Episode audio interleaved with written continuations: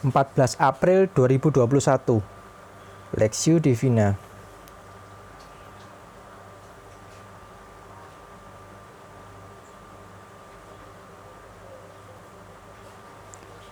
Dua Yohanes 1 ayat 1 sampai 3 Dari penatua kepada ibu yang terpilih dan anak-anaknya yang benar-benar aku kasihi.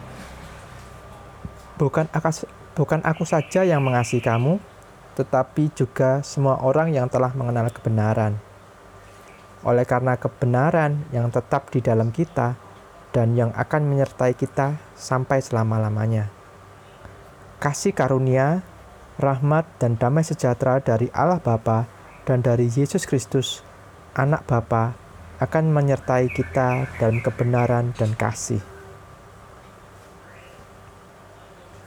Kebenaran dan kasih karunia perspektif. Kasih karunia, rahmat, dan damai sejahtera dari Allah Bapa dan dari Yesus Kristus, Anak Bapa, akan menyertai kita dalam kebenaran dan kasih. 2 Yohanes ayat 1 sampai 3. Surat 2 Yohanes ditujukan kepada beberapa gereja yang mengalami kesulitan dan tantangan karena ada pengajar-pengajar sesat yang tidak mengakui bahwa Yesus Kristus telah datang sebagai manusia. Ayat 7. Dengan berbagai tantangan tersebut, Yohanes mengingatkan betapa pentingnya tetap hidup dalam kebenaran dan kasih.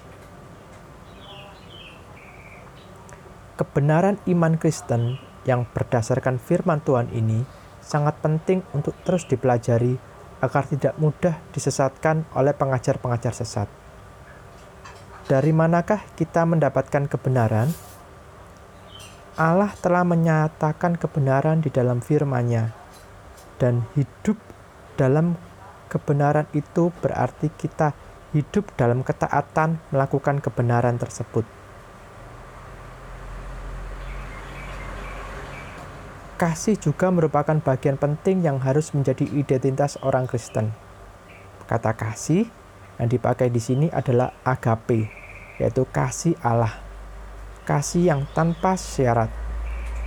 Allah telah memberikan kasih itu kepada kita melalui kasih karunia rahmatnya.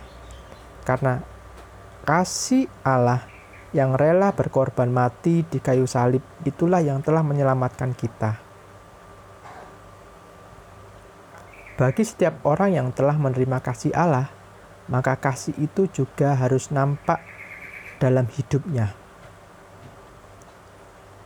kebenaran dan kasih tidaklah dapat dipisahkan. Kebenaran dan kasih harus berjalan seimbang.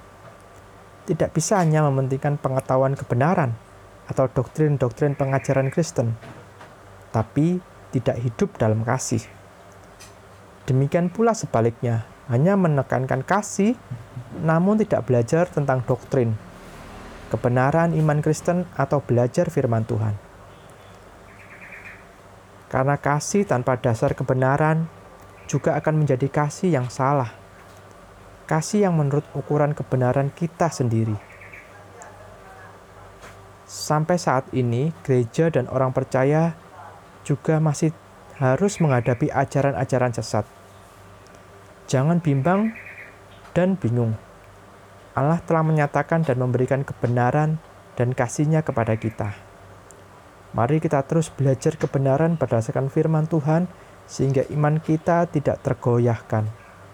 Dan selanjutnya, mari kita menerapkan kebenaran serta kasih itu dalam hidup kita.